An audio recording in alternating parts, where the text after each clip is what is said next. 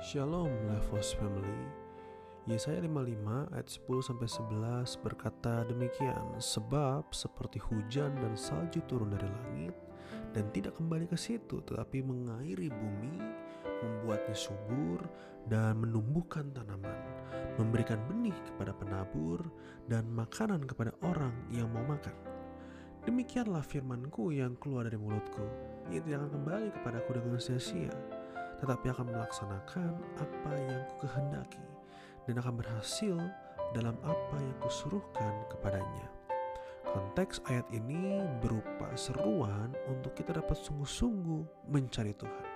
Jadi kalau Bapak Ibu Saudara membaca Yesaya 55, Saudara akan melihat bagaimana uh, sebuah panggilan, sebuah ajakan untuk kita sungguh-sungguh mengikuti jalan dan rencana Tuhan.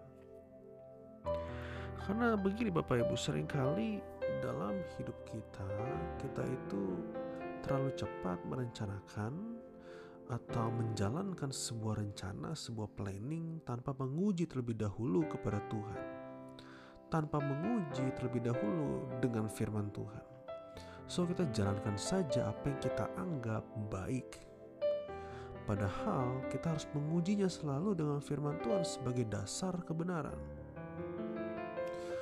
Kita kan makanya kita perlu mengerti firman bukan? Dan harusnya kita mengerti bahwa jalan Tuhan lebih tinggi dari jalan kita. Rencana Tuhan lebih tinggi dari rencana kita.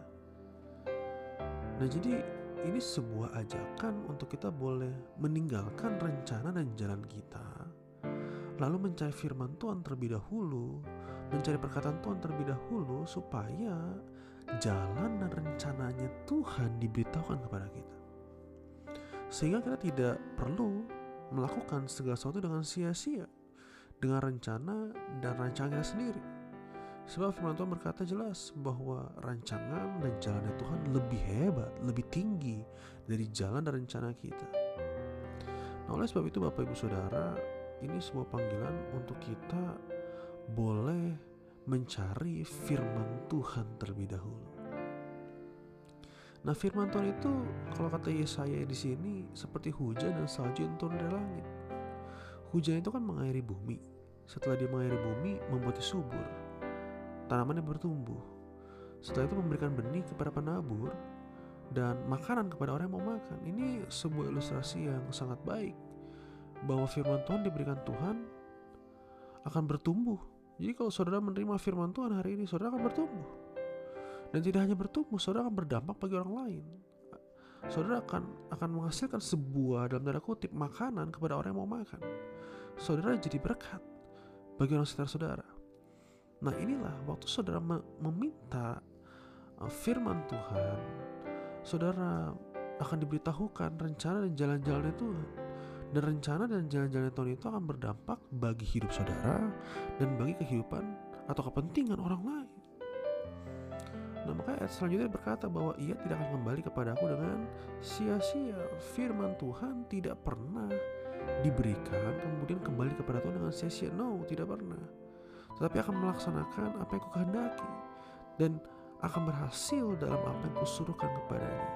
Firman Tuhan yang tertanam dalam hidup kita akan melaksanakan apa yang Tuhan kehendaki.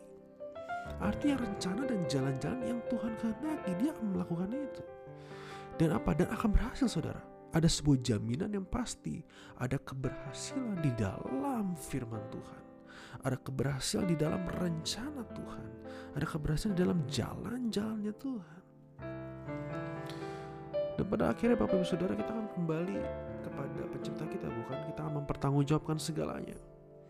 Oleh karenanya itu mari kita cari firman Tuhan supaya jalan-jalan Tuhan dan rencana Tuhan diberitakan kepada kita.